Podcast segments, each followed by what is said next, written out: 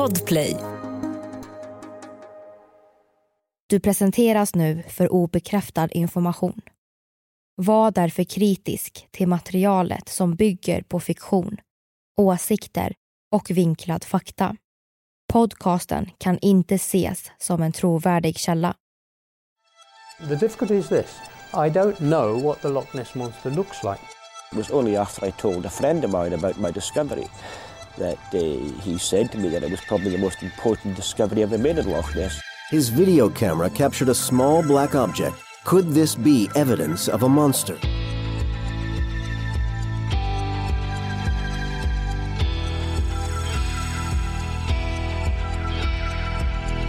Det här är podden för dig som är intresserad av en annan version av verkligheten. En version som tar upp alternativa teorier, mystiska sammanträffanden och diskussioner om vad som kan vara sant. Mitt namn är Vivi. Och mitt namn är Aida. Och det här är konspirationsteorier.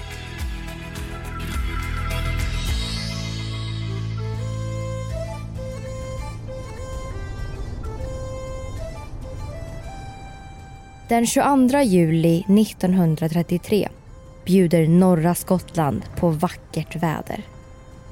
Mr och Mrs Spicer, som är på en romantisk bilsemester bestämmer sig för att spendera eftermiddagen med att utforska det skotska höglandet.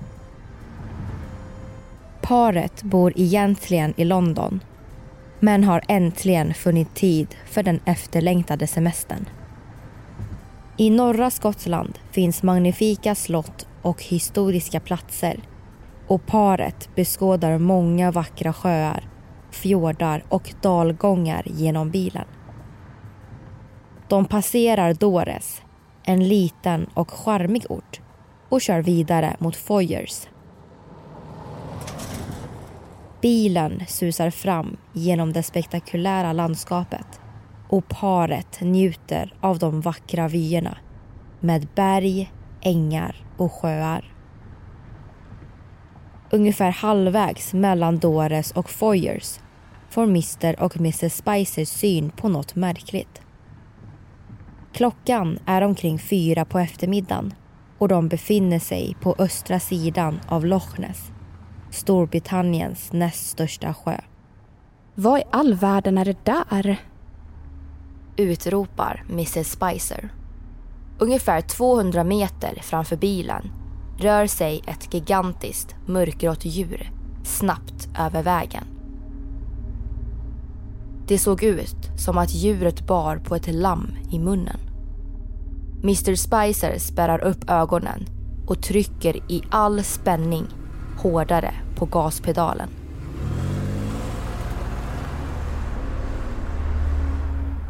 Men när bilen kommer fram till platsen finns inget där.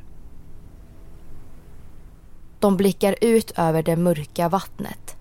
Men träden längs vägkanten är i vägen.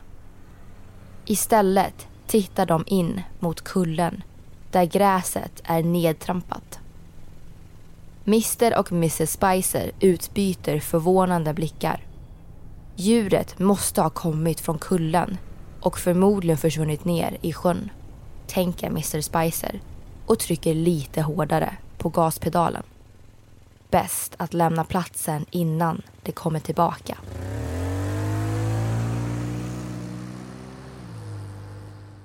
Även om de bara hann se djuret i några sekunder så kan varken Mr eller Mrs Spicer släppa den hemska synen av djuret. De har aldrig någonsin tidigare sett ett land eller vattendjur i den här storleken. Kroppen måste vara minst en och en halv meter hög och åtta meter lång. Och den där långa, smala halsen påminde om en slags orm eller kanske en drake. Men hur kunde ett sånt stort djur inte lämna efter sig ett plask eller en enda ring på vattnet?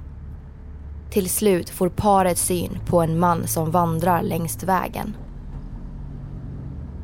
Mr Spicer stannar bilen och de berättar ivrigt om det de just bevittnat vid sjön.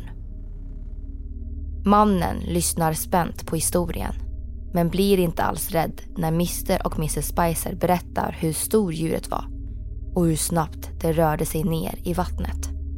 Han blir snarare väldigt förvånad. Har ni inte hört talas om Loch Ness-odjuret? Mr och Mrs Spicer är inte de enda som har sett en stor varelse i sjön Loch Ness. Efter 1933 har det inkommit många liknande iakttagelser. Men det mytomspunna sjöodjuret har lyst med sin frånvaro. Många har försökt lösa mysteriet. Men än så länge har ingen lyckats komma med tillräckligt övertygande bevis. Finns det verkligen ett sjömonster som döljer sig i djupet? Eller gömmer Loch Ness kanske andra hemligheter? Det ska vi prata om idag när vi ska diskutera en konspirationsteori om det mytomspunna Loch Ness-odjuret.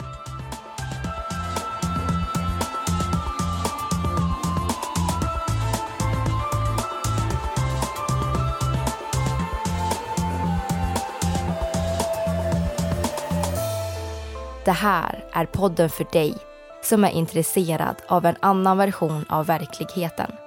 En version som tar upp alternativa teorier, mystiska sammanträffanden och diskussioner om vad som kan vara sant.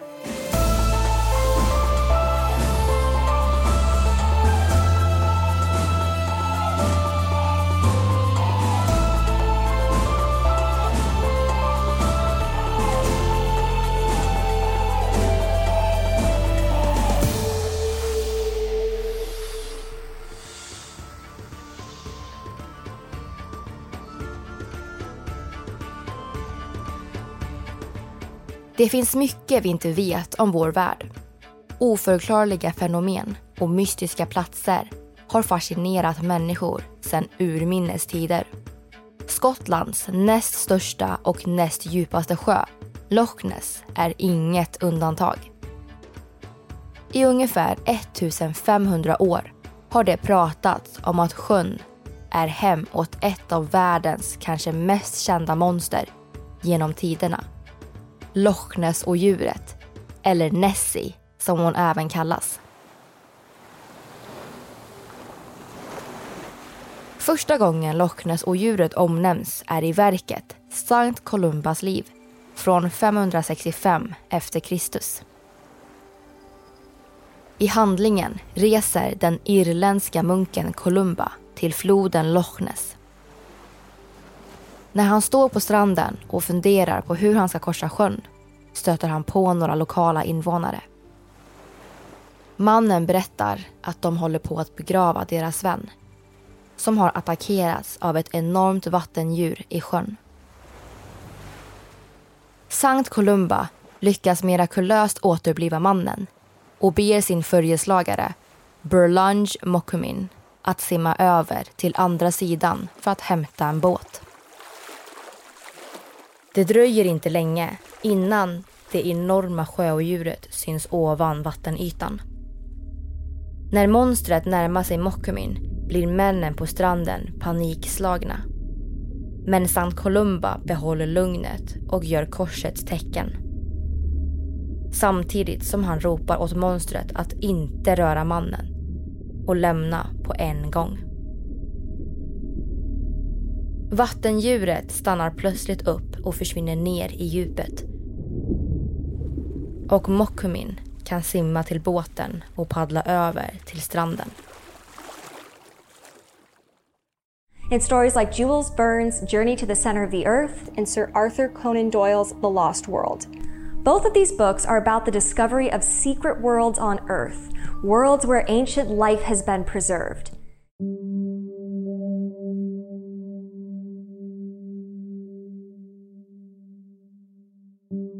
Den moderna historien om Loch Ness och djuret tog däremot sin början 1933.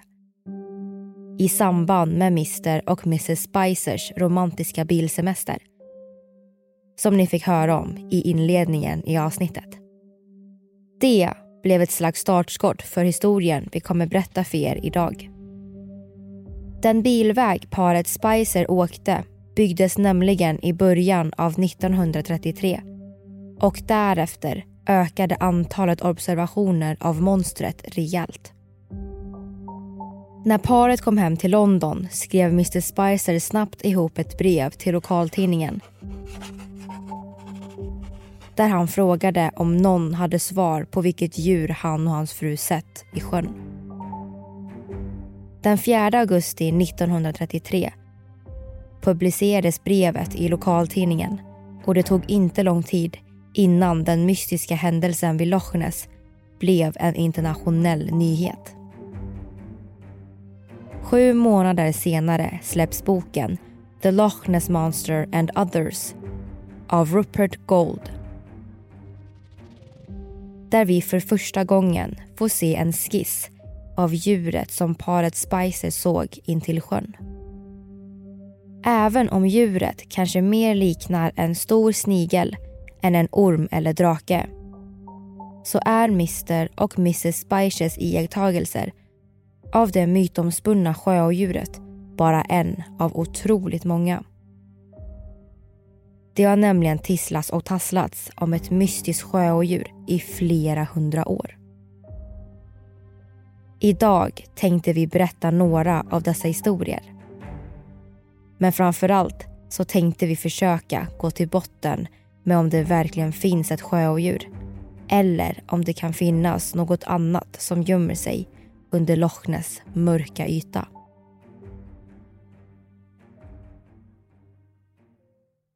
När man pratar om Loch Ness och djuret är det många som skrattar och skakar på huvudet. Det finns ju inga mystiska sjöodjur. Eller? Ett sjöodjur kan definieras som en mystisk varelse vars existens inte är bekräftad.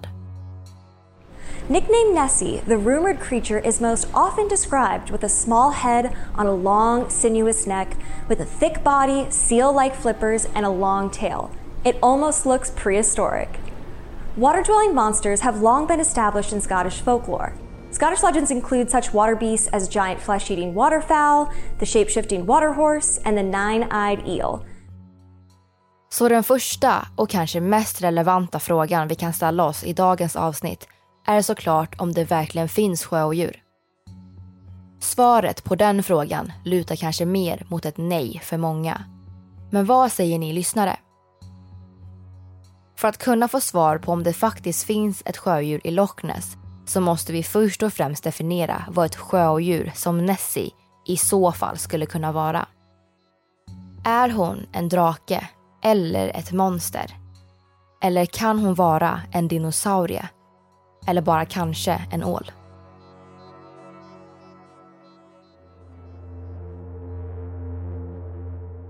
Det var den 21 april 1934 som Loch Ness blev en stor internationell nyhet när gynekologen Robert Kenneth Wilson tog ett ikoniskt fotografi av Nessie som publicerades i tidningen Daily Mail. Fotografiet är känt som kirurgens fotografi och föreställer varelsen i vattnet med lång nacke och huvud. Det tog över 60 år innan det kom fram att fotografiet var en bluff. Men är verkligen alla iakttagelser det? Dan Scott Taylor went down in the lock. He said the Loch Ness Monster bumped up against his submarine. Footprints were made with the cast of a left foot of a hippopotamus. I took, started taking some photographs, and this, suddenly this fish just surfaced. Okay, and so the So- thing that's circled there that looks like the little blue croissant, Yeah. as you called it, Yeah. that's what we believe is Nessie. Absolutely, yeah. Uh, it is a genuine fact. There is something in the loch. What happened that day, what we saw, can't explain it. Oh my god! Det här? Något som alla Nessie-observationer hade gemensamt var monstrets storlek och reptilaktiga form. Det ledde till spekulationer om att Loch Ness och djuret kanske var en svanödla. Eller Plesiosaurus som det även heter. Som var en räk och fiskätande reptil som dog ut med dinosaurierna. Forskningsintresset spreds från Skottland och ut i hela världen. För att det skulle kunna vara möjligt att Nessie är en svanödla så måste Loch Ness vara en mycket gammal sjö. Och faktum är att Loch Ness är omgiven av ett bergigt landskap vars lager består av tusentals dinosauriefossiler. Något som intresserat forskare runt hela världen. Så vi kan med säkerhet säga att dinosaurier har vandrat där en gång i tiden. Men kan det verkligen finnas en dinosaurie i sjön idag? Det var ju för 65,5 miljoner år sedan dinosauriernas tid tog slut. Och en utdöd ras kommer ju inte tillbaks. Här hör vi Steven Brusate från University of Edinburgh i en intervju från National Geographic år 2020. In the lagoons and along the rivers and the lakes, you would have had dinosaurs. These kind of animals did indeed live in Scotland. There were sea monsters here. Teorin att Nessie skulle kunna vara en svanödla fick relativt stort genomslag efter 1936 då en vetenskapsman upptäckte en fossil av en tofsstjärtsfisk i England för första gången. Arten går att spåra flera miljoner år tillbaka i tiden. Två år efter fossilupptäckten gjordes ett nytt fynd. 1938 upptäcktes en levande tofsstjärtsfisk längs Sydafrikas kust. En art man trodde var helt utdöd. Om denna art lyckades överleva så lång tid utan att bli upptäckt fanns det en chans att Plesiosaurus hade lyckats överleva i Loch Ness hela tiden. Kanske. Men ett motargument är att svanödlor inte kan hålla huvudet över vattenytan som Nessie påstås göra på grund av artens benstruktur. Så kan det vara något annat som lurar där nere under vattenytan.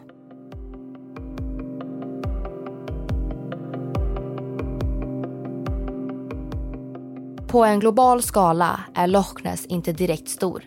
Men sjön är Storbritanniens näst största. Med en längd på 35 kilometer, en bredd på ungefär 1,5 kilometer och ett djup på 227 meter har Loch Ness ett vackert men också ett mörkt och mystiskt utseende. Sjön ser ut som ett stort gap i det skotska höglandet. Sjön är för djup för dykare men det har gjorts några upptäcktsresor med ubåt i det kalla och mörka vattnet.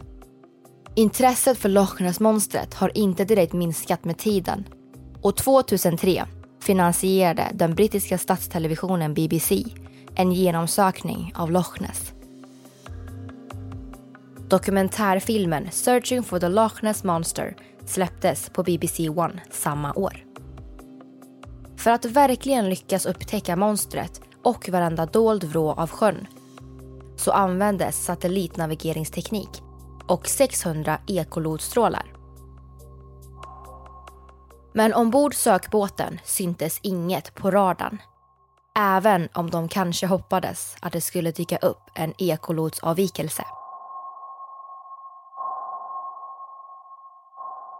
Mysteriet med Loch Ness och djuret blev återigen utan svar vilket lockade ett forskarteam från Nya Zeeland att ta sig an gåtan 2019. In two days I get on a plane and I'm going to Loch Ness and I'm going to start a new project using environmental DNA technologies to look for evidence of uh, what lives in Loch Ness and uh, we might even find a monster. Forskarteamet ville inventera vilka arter som fanns i sjön. Vilket de gjorde genom att ta vattenprover från olika delar av Loch Ness. Eftersom alla organismer lämnar spår i omgivningen så kunde resultatet hjälpa till att svara på vilket slags monster som skulle kunna bo där. Målet med undersökningen var inte direkt att försöka hitta Nessie utan främst för att lära sig mer om djurlivet i sjön. Materialet analyserades av forskarteamet från Nya Zeeland med biologen Neil Gemmell från Otago University i spetsen. I artikeln Loch Ness berättar om mer än bara odjur. I Hallands Nyheter, skriven av Rickard Böme, kan vi läsa om hur forskningsteamet gick tillväga. Metoden de använde gick ut på att samla in e-DNA, eller environmental DNA från sjön. Som enkelt förklarat är DNA som organismer utsöndrat och som finns i omgivningen. Resultatet från vattenproverna visar att det inte fanns något ovanligt sjömonster i Loch Ness. Och de hittade inte heller spår från hajar, krokodiler eller andra stora djur. Men det man fann var att sjön har en stor artrikedom med ungefär 3000 olika arter. Every single sampling site that we went to pretty much had eels. Um, and the sheer volume of it was a bit of a surprise. Now, is it possible that what people are seeing is a giant eel? Well, maybe. Normally, eels would migrate to the sea to spawn and then they die. Genom tekniken har forskare alltså öppnat upp tanken för att Nessie skulle kunna vara en gigantisk ål. Biologen Neil Gemmel menar att en del ålar kan stannat kvar och växt till extrema storlekar. Kan det kanske förklara mysteriet vid Loch Ness? I don't think so. No? Eels don't have legs. If she's large and I can see her, what difference does it make? It's what's in your mind.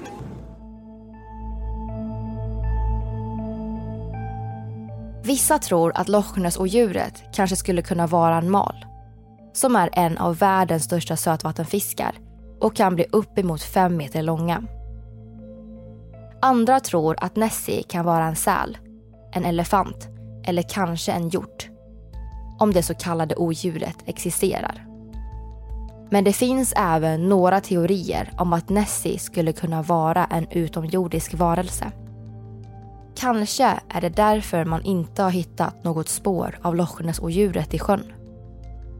Om hon inte var från den här jorden så kanske hon inte heller har en uppbyggnad av DNA som vi är vana vid. En annan intressant tanke är att monstret kanske är någon slags robot. Du som har sett Walt Disneys film Atlantis, en försvunnen värld, kanske kan föreställa dig ett liknande monster som vaktar en ingång, precis som i filmen.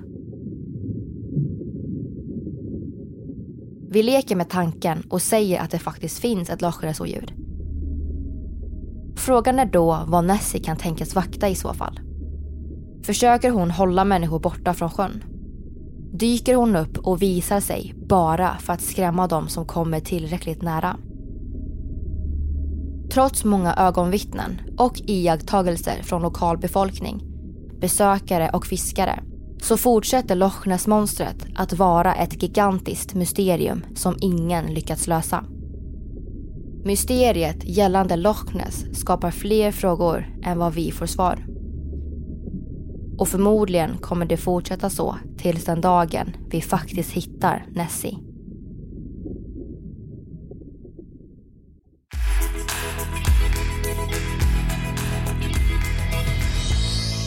Hej allihopa och välkomna till första avsnittet av den här säsongen. Mitt namn är Vivi. Och mitt namn är Aida.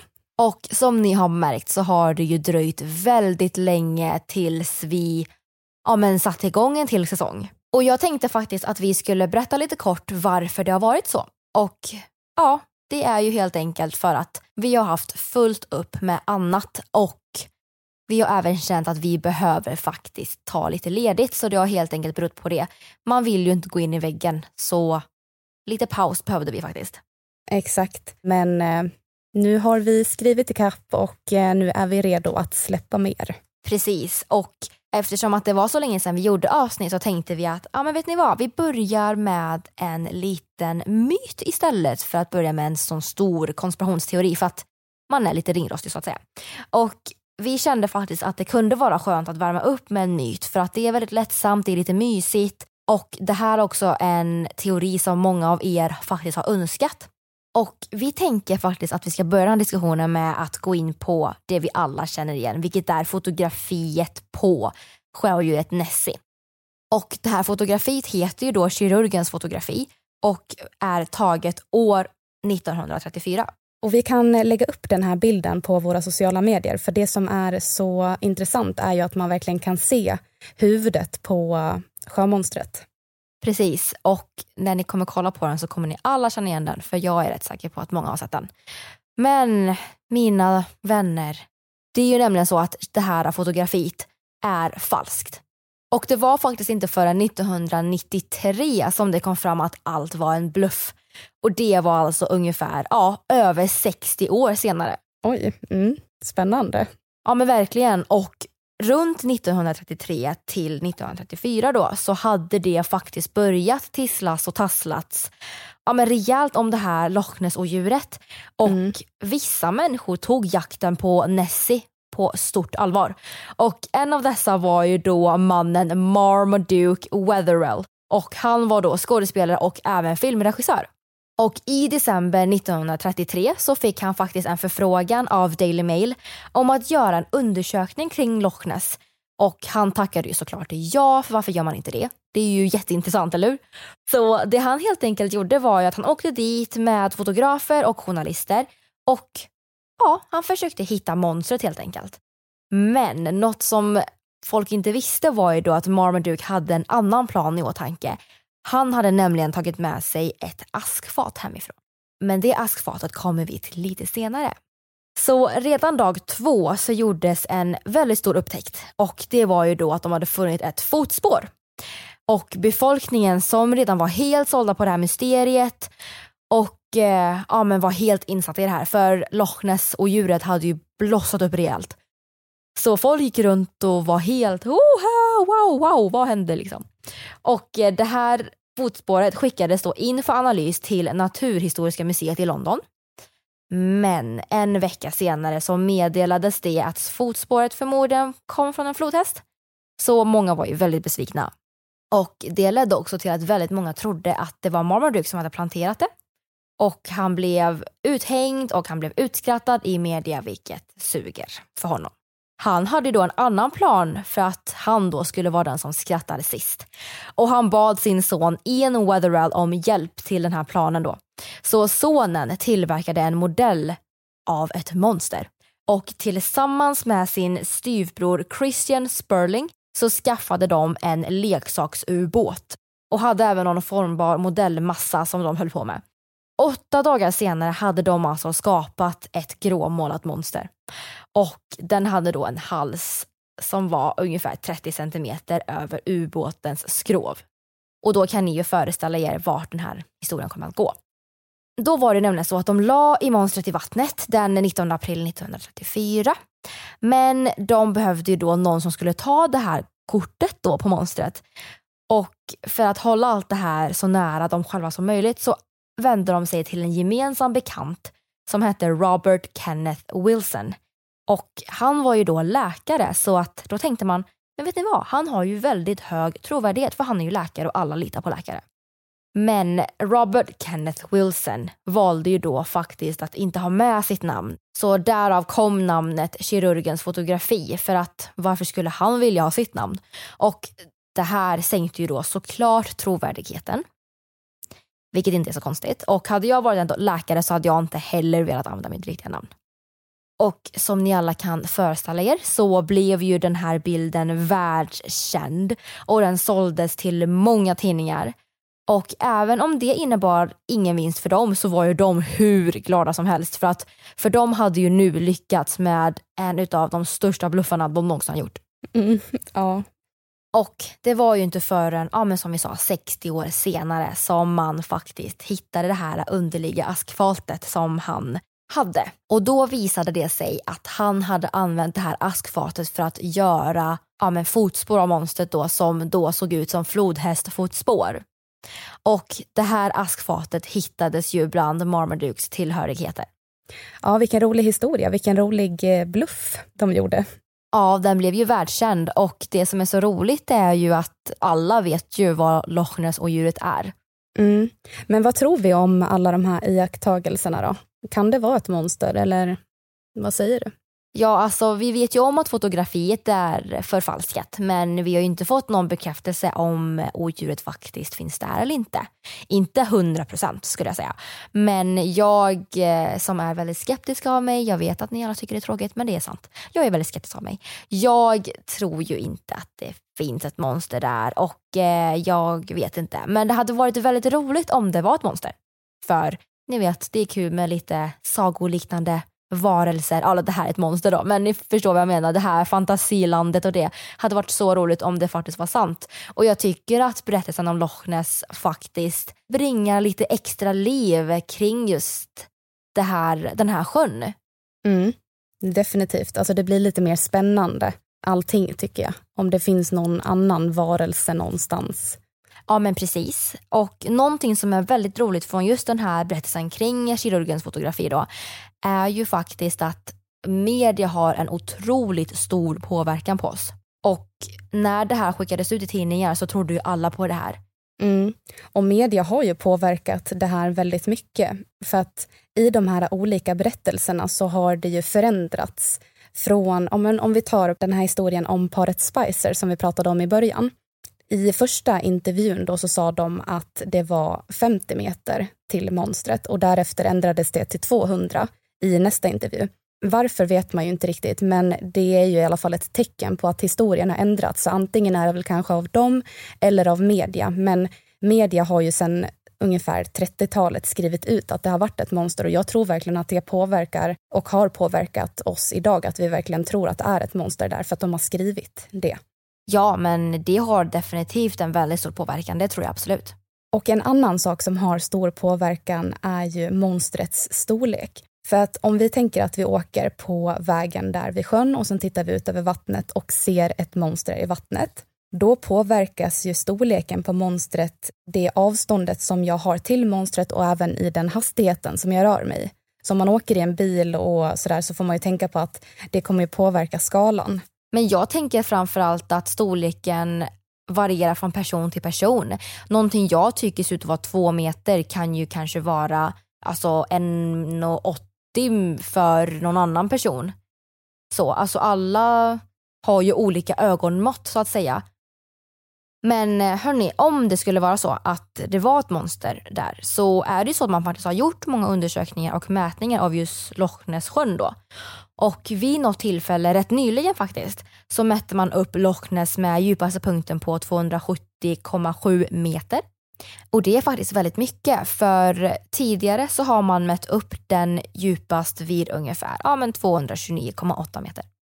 Ja, och då kanske det skulle kunna finnas fler diken som gör sjön djupare. Och det tycker jag verkligen är någonting som man typ borde titta vidare på för att det är ju ett perfekt gömställe, tänker jag. Ja men verkligen. Och eh, Loch Ness är ju inte den enda sjön som finns där kring utan Loch Morar, eller Morar kanske man säger, är en sjö som även finns i närheten. Och i den så finns det liknande teorier om ett sjömonster som kallas för Morag. Och det är alltså ett av de mest omskrivna monster som finns i Skottland efter Loch Ness odjuret. Och det har faktiskt inkommit rapporter om det här odjuret sedan år 1887. Mm, och det är länge. Och det finns ju även liknande sjömonster och teorier om sjömonster i hela världen. Bland annat ett i Storsjön i Sverige, Storsjöodjuret kallas det. Och sen finns det även andra varianter i bland annat Kina och Kanada. Men det finns verkligen supermånga teorier om sjömonster i Skottlands sjöar och det leder oss in på en teori här om tunnlar. Ja, mina vänner, den här är väldigt intressant och jag önskar att den vore rätt. Eller vad säger man? Jag önskar att den vore sann. För den här teorin handlar helt enkelt om tunnlar, grottor, diken och, andra höjdförändringar som finns i Loch Ness. Och teorin menar då att de kan simma eller röra sig under marken mellan dessa sjöar. Och det skulle alltså kunna vara därför Nessie och andra sjömonster inte alltid syns. Och då tänker jag lägga till att då kanske det är så att eh, det här sjöodjuret som alla pratar om i olika sjöar, det kanske är samma sjöodjur. Mm, det skulle ju kunna vara så faktiskt. Och en förklaring till de här tunnlarna skulle kunna vara att för cirka 490 till 390 miljoner år sedan så kolliderade två kontinenter med varandra. Den ena var nuvarande Nordamerika och den andra kontinenten, Baltika, var den europeiska delen av Ryssland, Baltikum, Skandinaviska halvön och Finland. Och det här bildade då en förkastning som kallas för Great Glen Fault som sträcker sig genom hela Skottland. Och en förkastning är då när bergsmassan har förskjutits på grund av en rörelse, alltså den här kollisionen. Och det kan handla om bara några centimeter till flera hundra meter eller tiotals mil. Ja, men om det var någon jordbävning under vattnet då så kanske det har öppnat upp ett dike eller en grotta eller en tunnel eller liknande i den här sjön då. Eftersom att den ligger i det här, äh, ja men, förkastningen då. Det är inte så troligt att det finns tunnlar där och att de har bevarats så länge. Och det beror mycket på ja, men dels vattnet och dels stenen i äh, berget. Och för 10 000 år sedan så var Great Glen Fault täckt av en stor glaciär, för det här var under Eh, den senaste istiden. Så det innebär att Loch Ness och flera andra sjöar var täckta under isen. Så om det då fanns en tunnel där så kanske den ändå inte hade klarat sig då. Och det innebär ju också en annan grej för att då kan inte Nessie vara ett förhistoriskt monster. För om det var ett isblock där, då kan ju inte ett monster ha överlevt.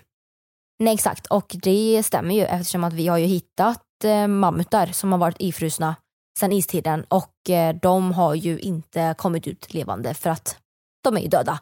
Så det är ju ganska högt som du säger att det inte är så trovärdigt. Att, eller det är inte så troligt att det finns ett monster.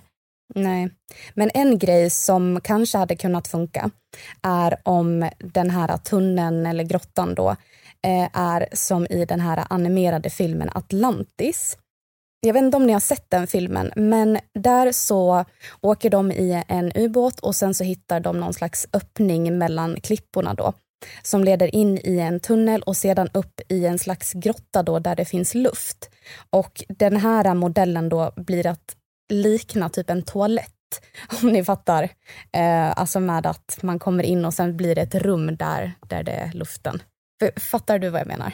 Ja.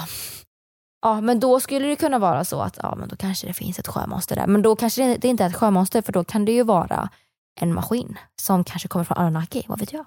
Ja, eller hur? Och det är ju en maskin i Atlantis. Och det kan ju vara därför man inte hittar något spår av DNA. Ja men precis, men om det inte är ett sjömonster, vad skulle det kunna vara då? Det kan ju även vara så att det är elefanter som har simmat i vattnet. Det kan också vara fallna grenar som ligger och flyter i vattnet och att det ser ut som att det är något annat. Det kan vara svanar och det kan vara sälar. Ja, men tänk att ni ser två sälar som leker med varandra i vattnet, ja, men en bit bort från er och så. Då kan det ju faktiskt se ut som att ja, men monstret sticker upp ur vattenytan på två ställen. Mm, som att den är liksom sådär lång. Ja men exakt. Mm. Så att man, mm, ja det är lite svårt att säga faktiskt. Mm.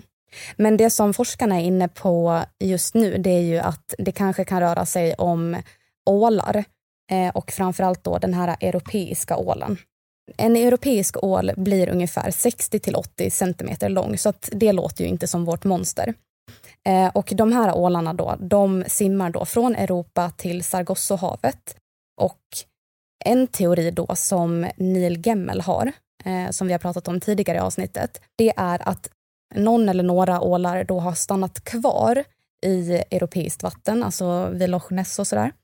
Och sen växt till extrema storlekar. Jag vet inte om de har muterats på något sätt. Och att det i så fall skulle kunna vara eh, en större ål som är vår, vår Nessie. Ja, men då hoppas jag inte att den finns för att, åh, oh, vad obehagligt. Men det här med Loch Ness då, det är ju nämligen så att media har ju pumpat det här och det har varit massa skriverier om Loch Ness och folk har ju börjat tro på det här monstret som finns i Loch Ness. Så det är ju nämligen så att rent psykologiskt så hjälper vår hjärna oss att tolka det vi ser.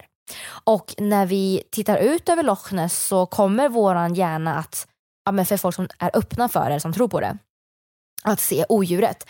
Trots att det kanske bara är ja, men, vågor eller något annat i vattnet. Och det är nämligen så att det är vår egna hjärna som spelar oss ett spratt. För att vi vet ju att vid Loch Ness så finns det myten om Nessie. Och det kan ju vara det som är grunden för alla spekulationer som har funnits om Nessie och om folk som har påstått sig se någonting i vattnet. Och den här myten om monstret den kvarstår ju för att det är ju det vi människor vill se. Vi vill ju se Nessie. Och som ni själva kanske kan föreställa er så är ju Loch Ness och djuret en turistattraktion. Och den bidrar med flera miljoner pund till skotska ekonomin varje år. Så tänk hur mycket mer det hade ökat om man faktiskt också fann monstret. Ja, verkligen. Men problemet som har varit för de som har varit där och undersökt har ju varit att ja, men sikten under ytan är ju inte den bästa. Eh, om ni har sett Loch Ness eller om ni har sett en bild på det så är vattnet väldigt, väldigt mörkt och det är även väldigt kallt. Och anledningen till att vattnet är så mörkt är på grund av att det är en hög halt av torrpartiklar i den omgivande marken. Då. Och Det gör att ja, men det blir inte så bra sikt därunder så att det blir inte så lätt att hitta. Men vad händer om vi hittar Nessie då? Jo, 1975 så var det många som argumenterade för att Nessie skulle skyddas om hon hittades då. Och då finns det någonting som heter Conservation of Wild Creatures and Wild Plants Act från 1975 som skyddar djur som hotas då. Men för att få vara med på den här listan då så måste man ha ett formellt namn och då fick Loch Ness-monstret namnet Ness Monster with a Diamond Fin. Intressant namn. Ja, verkligen. Diamond Finn. Och 2001 så kom den skotska regeringen med en Code of Practice eh, för vad som skulle hända då om man fann ett Loch Ness-monster. Och eh, då så 2001 så släppte Nature Scott en Code of Practice och den säger då att man först skulle ta ett DNA-prov av Nessie för att kunna ta reda på vilken art eh, det var. Och därefter så ska man släppa tillbaka monstret i sjön och sen skydda arten från fara. För oavsett om det är ett monster eller inte så ja, men man vill ändå skydda den från alla som vill komma dit och se monstret. För det kan man ju ändå tänka att det kommer komma väldigt många dit. Ja men precis och även så att det, det kanske inte är ett monster, det kanske bara är ett djur som vi inte har upptäckt än. Kom ihåg också att det är en väldigt, väldigt stor procent vi inte har upptäckt som finns i våra vatten än. Så det kanske bara är ett, vad vet jag, något sött litet djur. Eller nej, sött stort djur måste det ju vara eftersom att den... ja, jag vet inte om det är sött heller. Nej, men den är förmodligen väldigt stor. Men eh, ja, kring den här myten, vad tror vi om den här? Vad tror ni och vad tror du Aida? Ehm, jag tycker att den här teorin är jättespännande och jätteintressant men jag tror inte på det här. Ehm, men däremot så tycker jag det är väldigt kul att tänka på varför det skulle finnas ett monster där i just Loch Ness. Alltså hänger du med på vad jag menar? Varför finns det ett odjur just på den platsen? Finns det någonting hon vaktar där? Eller no alltså... Ja, du tänker så. Men då kan man ju också ställa frågan varför finns det monster i andra sjöar också? Mm. Existerar de bara där i sjöar? Och varför är man i en liten sjö bara då? När man kan vara i det stora havet? Mm. Väldigt intressant. Och vem vet, det kanske är sant att de här tunnlarna leder till Atlantis och det är därför de vaktar dem för att ingen ska komma in. Mm. Men vad tror du då? Nej men jag tycker också att det är intressant och spännande men jag tror inte på det här. Men jag tycker att det vore väldigt roligt om det vore sant för det blir ju lite magi och lite spänning i vardagen om det onaturliga liksom. Mm, och det, var, det finns ju faktiskt några som tror på det här. Och 2019 då så kom det upp ett event på Facebook eh, likt det här med Area 51, att man ville storma Loch Ness. Så titeln på det här eventet var Storma Loch Ness, Nessie kan inte gömma sig från oss alla. Jag vet inte om det blev av, men... Nej, inte jag heller. Men det tänker jag att det, det får ni lyssnare kolla upp lite om ni vill. Vi har ju kollat upp om Nessie till er, så då får ni jätte, jättegärna kolla upp vad som hände med Storma Loch Ness. Nessie kan inte gömma sig från oss, från oss alla. Vad hände med eventet? Tog det rum? Tog det inte rum? Det var förmodligen ett prank tror jag, eller något sånt skoj, skojigt. Mm, och skicka in även vad ni tror. Om det finns ett monster eller om det inte finns ett monster. Men eh, glöm inte att följa oss på Facebook och Instagram där vi heter konspirationsteorier. Och alla våra källor hittar ni då enklast via våra sociala medier och det ligger i ett Google kalkylark. Och Aida och jag har faktiskt även skaffat en TikTok där vi tänkte börja prata om konspirationsteorier på ungefär 60 sekunder. Det är väl det högsta man kan göra på TikTok tror jag. Och det tycker vi är lite kul för att det är ju sådana ja, men, teorier som inte går att ta upp i podden för det finns inte tillräckligt med information om det.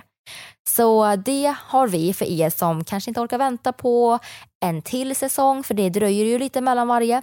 Så då får ni jättegärna kika in där och titta om ni vill. Vi heter då Vivi och Aida. Och nästa vecka hörni, då kommer ni få höra den första av tre delar om mysteriet med familjen Romanov, den ryska tsarfamiljen som mördades. Så det får ni verkligen inte missa. Superintressant. Verkligen. Och för er som inte vet vilka familjen Romanov var så kan jag säga en sak. Jag kan säga Anastasia. Och då tänker jag att många av er kanske har sett den animerade filmen Anastasia. Mm. Så ja, den handlar helt enkelt om prinsessan Anastasia. Vad hände med henne? Eller vad hände med hela familjen? Nej, jag vet inte. alltså. Ja, det återstår att se nästa vecka hörni. Jajamän, så ni får ha en fantastisk helg. Och så hörs vi nästa vecka. Det gör vi. Hej då! Hej då! Du har lyssnat på Loch Ness och djuret. Avsnittet gjordes våren 2021. Vi som har gjort programmet heter Vivian Lee och Aida Engvall. Tillsammans med redigerare Jenny Olli. Källorna till dagens program hittar du via vår Facebook eller Instagram där vi heter konspirationsteorier. Via våra sociala medier kan du även skicka in tips och önskemål på teorier som du vill höra i podden. Vill du höra fler avsnitt? Besök din poddapp och lyssna på avsnitt som Anunnakis återkomst. These extraterrestrials, the so-called gods, and they pointed up to the sky and said, look, this is our home. New World Order. Basically identifies the federal government uh, as an evil malefactor that is involved in a conspiracy to force the United States uh, into a so-called one world government uh, known as the New World Order. Och mycket mer.